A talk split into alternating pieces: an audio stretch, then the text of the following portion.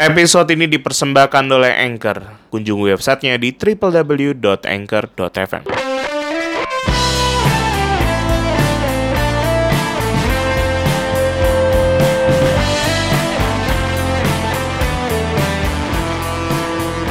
Welcome back to podcast Bujang Belajar. This is your host Faik Nadir. Halo, apa kabar? Terima kasih yang sudah berta berpartisipasi dalam ya pengumpulan surat pendengar ini. Ini episode terakhir di 2019. Moga-moga masih berlanjut terus di 2020. Ini saya akan bacain beberapa teman yang sudah mostly kebanyakan DM sih di Instagram ataupun Twitter cerita apa sih sebenarnya 2019 ini menurut mereka, pengalaman mereka, mereka banyak belajar tentang apa dan tahun depan kayaknya mau akan gimana. Kita mulai dari yang pertama. Gua nggak akan sebut nama sih sebetulnya. Yang pertama ya. Hai Ik, tahun 2019 membuat aku banyak belajar tentang makan harus teratur dan nggak boleh nggak makan. Tahun depan aku ingin naik berat badan berat badan gitu. Kamu punya solusi nggak buat aku? Solusinya sederhana, tingkatkan kualitas dan kuantitas dari makanannya. Lebih baik, lebih sering, ya kayak gitu. Pasti naik. Nih kayak gini-gini nih pantas ditain ke aku nih. Yang kedua, Hai Bang Faik, 2019 membuat aku banyak belajar tentang beraktivitas itu penting.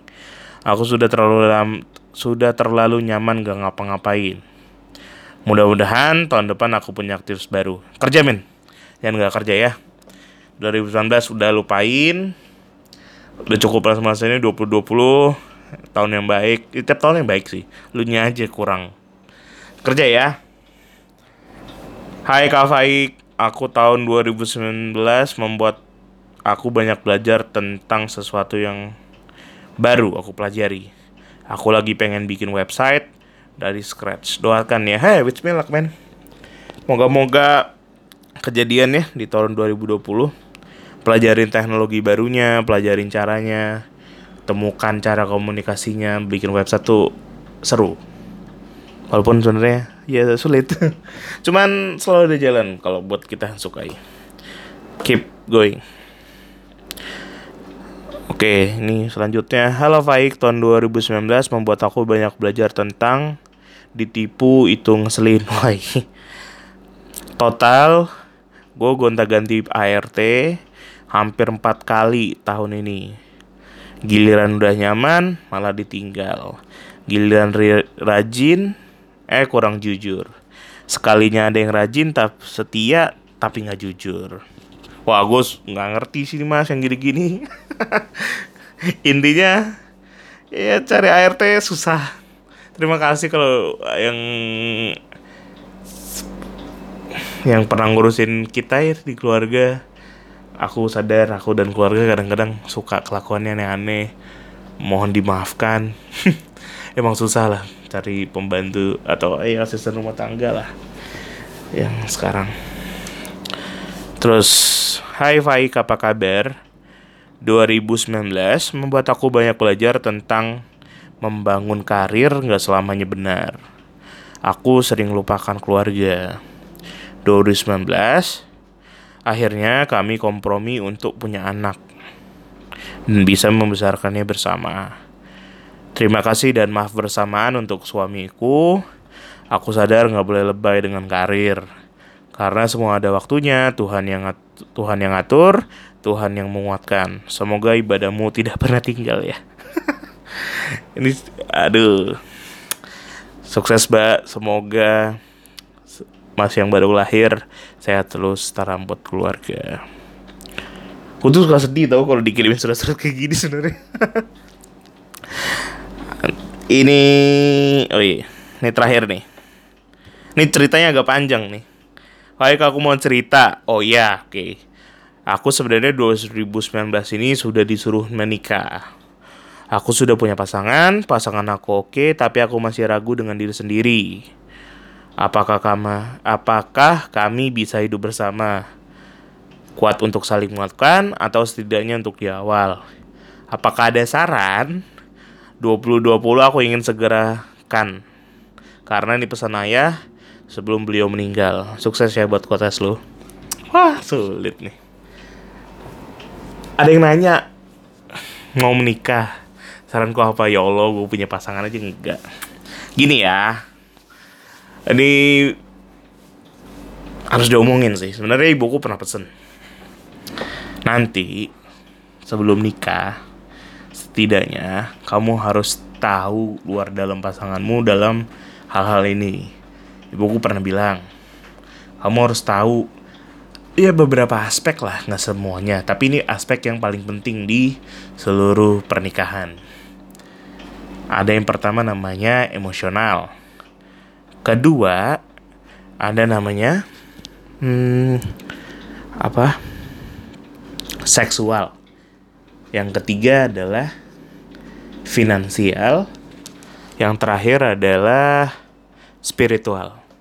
Ibuku pesen sih kayak gitu. Jadi setidaknya kita tahu empat hal itu. Karena penting sih. Dan aku sadar selama ini banyak yang aku pikirkan tuh berasal dari hal-hal tersebut. Dan kepastian untuk melanjutkan ke tahap yang lebih serius itu setidaknya ya banyak dipengaruhi dari hal-hal tersebut lah. Uh, yang bisa aku share di sini sih kalau masalah emosional ya. Masalah emosional itu kita setidaknya kita tahu lah pasangan kita tuh kalau marahnya gimana, kalau sedih bahasanya tubuhnya tuh modelnya kayak gimana, rasa takutnya karena apa, apa yang dia bikin dia insecure, apakah cemburuan, kalau cemburu dia ngapain dan sebagainya kayak gitu-gitu. Karena emosi itu adalah sesuatu yang lumrah gitu kan. Sifatnya ha, anugerah, kena keniscayaan lah gitu. Uh, kalau nggak terbiasa nggak sama nggak paham, ke depannya ya sulit untuk menanggapi berbagai reaksi emosinya. Jadi wajar kalau banyak yang bilang kalau jadi konflik itu kadang kita nggak nemu solusinya karena terlalu emosi tuh dan kita nggak paham emosi karena apa apa segala macam banyak kadang juga baru ngeh kalau marah pasangannya itu suka ngebentak lempar barang kabur atau bahkan diem silent treatment. Sadar nggak sadar kalau sebelum menikah kalau kita nggak tahu kayak gitu tuh agak sulit untuk menjalaninya. Ah, kadang-kadang juga ya itu tuh yang bikin kita tuh sebenarnya siap nggak sih punya anak dalam kondisi emosional kita? Jadi gue juga berpikir kadang-kadang kan mencari pasangan itu setidaknya akan membentuk banyak karakter anak kita lah. Jadi pilih pasangan tuh emosinya tuh ya ujung-ujung kalian sering ngeliat ngeliat lah nih kayak bapaknya nih, nih kayak ibunya nih. Kalau lagi marah gitu kan segala macam. Yang aku takutin selama itu gitu. Jadi sejauh ini kalau kalian mau lebih serius ya kalian coba bener-bener kenalin lah emosional pasangannya sebisa mungkin. Karena ya bisa jadi milih pasangan tuh milih partner untuk ke depannya akan sulit sih kalau emosionalnya tidak kita pahami ya. Maksudnya paham dulu aja sebelum kita bisa berubah. Kadang-kadang juga ibu aku pernah bilang lebih gampang nungguin cepat nungguin meninggalnya ketimbang nunggu berubahnya kadang-kadang gitu. Tapi ya sudahlah di embrace saja dipahami saja yang kedua yang setidaknya jadi patokan untuk berumah tangga ke depannya itu ya seksual. Ya buang-buang. Ini gimana ya ngomongin ya? Udah nggak bisa dianggap tabu lagi sih masalah seksual tuh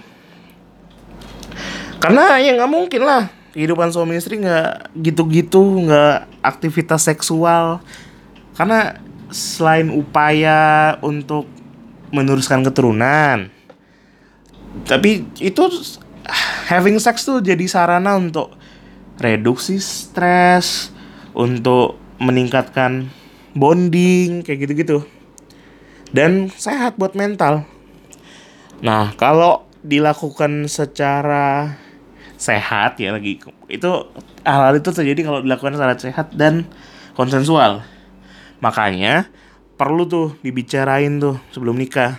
Bukan berarti cabul dan segala macam ya tapi setidaknya beberapa hal-hal yang mendasar gitu. Nyaman gak nyaman persepsi tentang preferensi seksual atau udah pernah having sex atau belum. Uh, mungkin agak sulit yang punya prinsip-prinsip no sex before marriage tuh tapi itu juga perlu didiskusikan sih. Nah tapi ya kalau berencana mau nikah tuh ini tuh bukan hanya having sex doang. Partner kita siapa pun itu perlu tahu ekspektasinya sejauh apa. Ditanya lah persepsi. Misal kayak mm, role playnya suami istri lah dalam hubungan seksual. Minat apakah menjadi yang hal yang fundamental atau ya atau ya sifatnya eksklusif gitu banyak yang bisa diomongkan. Posisi apa segala macam dalam artian semua omongin seksual tuh dalam artian kita belajar bahwa eksplorasi itu dibutuhkan nanti ketika menikah. Ya gitu ya. Jadi emosional kita harus tahu pasangan kita luar dalam. Maksud dalam menyikapi sesuatu. Terus tentang seksualitas ekspektasi dia kayak gimana, apa yang dia pernah lalui, sebenarnya apa yang dia sukai. Karena seks itu penting di nikah. Untuk sehatnya mental dan bahagianya keluarga ya mulainya dari ranjang. Mau nggak mau juga kita kan? Terus yang ketiga nggak nggak kalah penting yang nggak bisa dilupakan adalah namanya finansial. Again masalah uang adalah masalah yang sangat sensitif tapi mau nggak mau kita harus ber berani buat ngomongin ini. Karena setidaknya uang juga yang bikin banyak masalah di keluarga.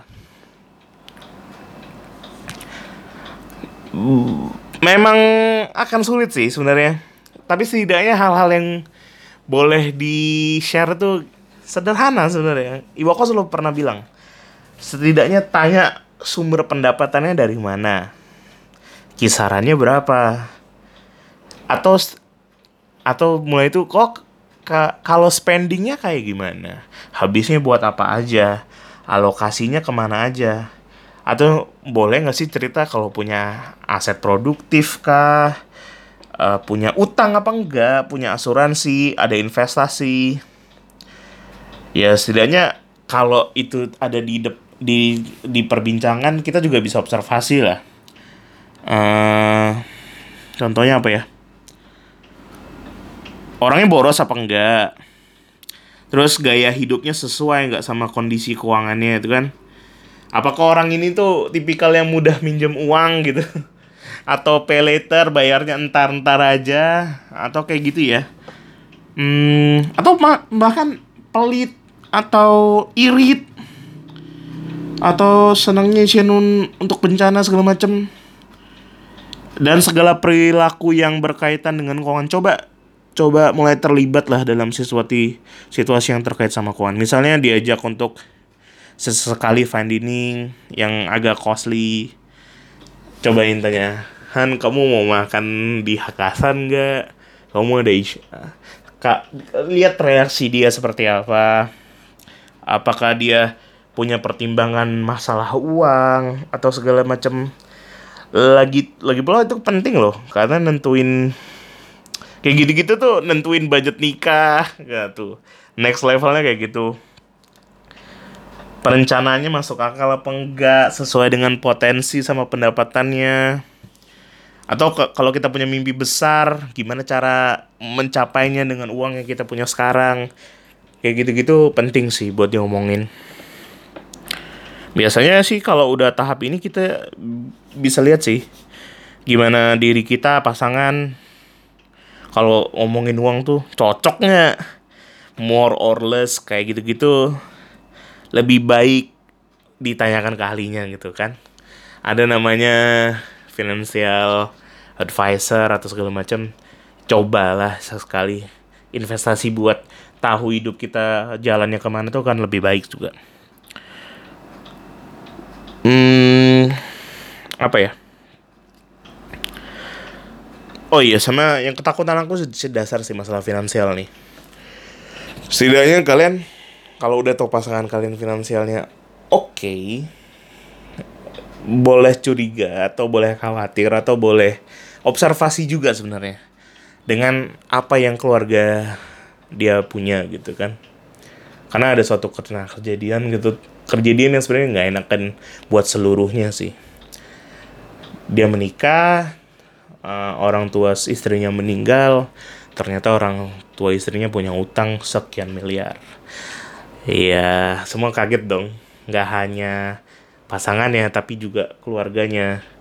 Nah hal-hal kayak gitu tuh penting dibicarakan karena setidaknya itu krusial sih yang buat perumahan eh perumahan rumah tangga itu akan seperti apa. Jadi gitu ya. Yang terakhir yang nggak pala penting ya masalah spiritual. Karena ibuku selalu bilang semua ada jalannya Tuhan udah ngatur tapi ini spiritual in different way. Teman-teman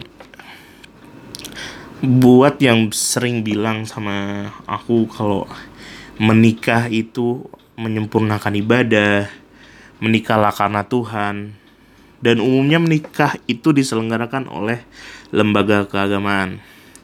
Makanya hal-hal tentang spiritual tuh penting untuk di rumah tangga. Yang seagama aja nih, kadang-kadang belum tentu seiman. Yang seiman belum tentu sama ritualnya. Yang sama ritualnya belum tentu pemaknaannya terhadap pernikahan tuh sama. Sulit kan? Contoh, contoh, contoh. Yang paling sederhana adalah masalah poligami. Bisa jadi seagama nih, oke okay kan? Seiman, oke okay kan? Ritualnya sama, sholatnya sama, ibadahnya sama, bacaan sholatnya sama, atau favorit sholat pendeknya sama, gitu kan? Tapi untuk tentang konsep kehidupan berpasangan dan rumah tangga tuh bisa beda. Yang istrinya nggak mau dibadu, suaminya pengen punya istri dari satu. Gitu kan? Nah, hal-hal kayak gini terkait spiritual nggak harus tentang agama aja sih. Maksudnya, keyakinan. Misalnya ya suami calon pasangan kamu untuk hidup ke depan nanti percaya tahayul, percaya primbon yang model-model gitu anything lah bentuknya. Setidaknya mereka ada di tahapan terbukanya dulu. Jangan sampai ketika udah nikah lima tahun ternyata istri kita tuh suami kita punya tuyul gitu kan.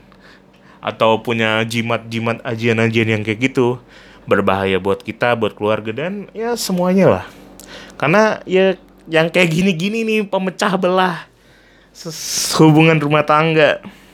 Jadi kalau boleh dibilang poin-poin di atas itu bisa dibicarakan atau penting dibicarain untuk menuju ke sesuatu yang lebih serius. Masalah emosi, masalah finansial, masalah seksualitas, masalah spiritualitas. Setidaknya bawa dulu aja ke meja, gimana cara ngomonginnya, ya coba pelan-pelan.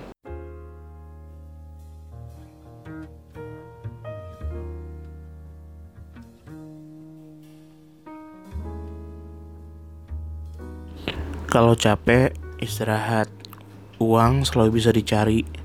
Kesehatan lahir batin lebih berharga dari itu semua.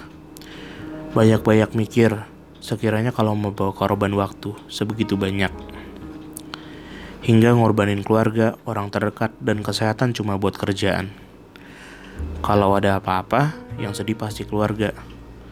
Kantor akan selalu bisa nyari orang-orang lain untuk menggantikan tapi orang terdekat sudah pasti tidak. Kalau merasa semuanya sudah tidak sehat, lebih baik stop. Waktu memang dibuat, bukan dicari. Kalau benar-benar cinta atau suka dengan suatu hal, pasti kita akan punya waktu untuk itu. Kalau ada yang bilang atau sering bilang, gue gak ada waktu, berarti dia tidak sebegitunya mau ketemu atau melakukan hal tertentu. Sebenarnya nggak apa-apa kalau kita sering ngerasa nggak punya teman dekat yang bareng sedari dulu. Kita berkembang dan berubah sebagai manusia, berpindah tempat, berganti fokus dan kegiatan. Mungkin kita baru ketemu sahabat hidup kita di umur 21, mungkin 25, bahkan umur 30. Mungkin orang yang kita kenal di waktu sekolah baru jadi sahabat hidup kita nanti. Semua ini bagian kecil dari maraton hidup. Suka nggak suka, mau nggak mau, akan beginilah adanya.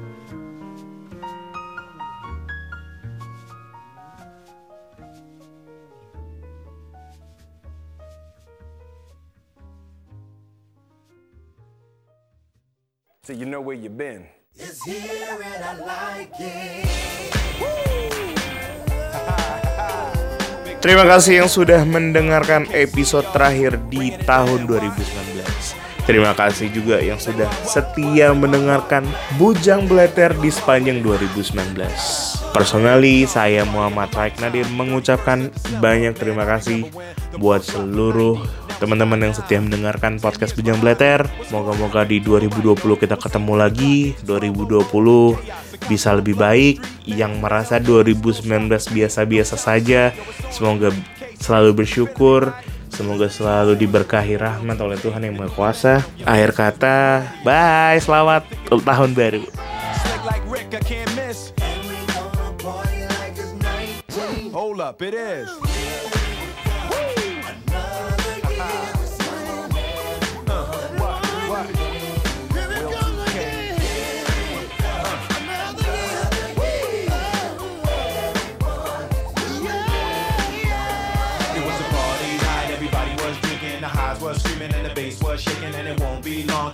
Everybody knowing that 12 o'clock the roof will be blowing. Drinks on me, up the cups. Midnight coming full thrust. Dick Clark holding it down. Second hand rolling around. 100,000 deep, worldwide press. Hate to be the man, gotta clean this mess. Same resolution, get the money. Ain't where we been, it's where we gon' be. Get ready to hum old lang syne. Cause a person that know the words is hard to find. First soul train line of the year.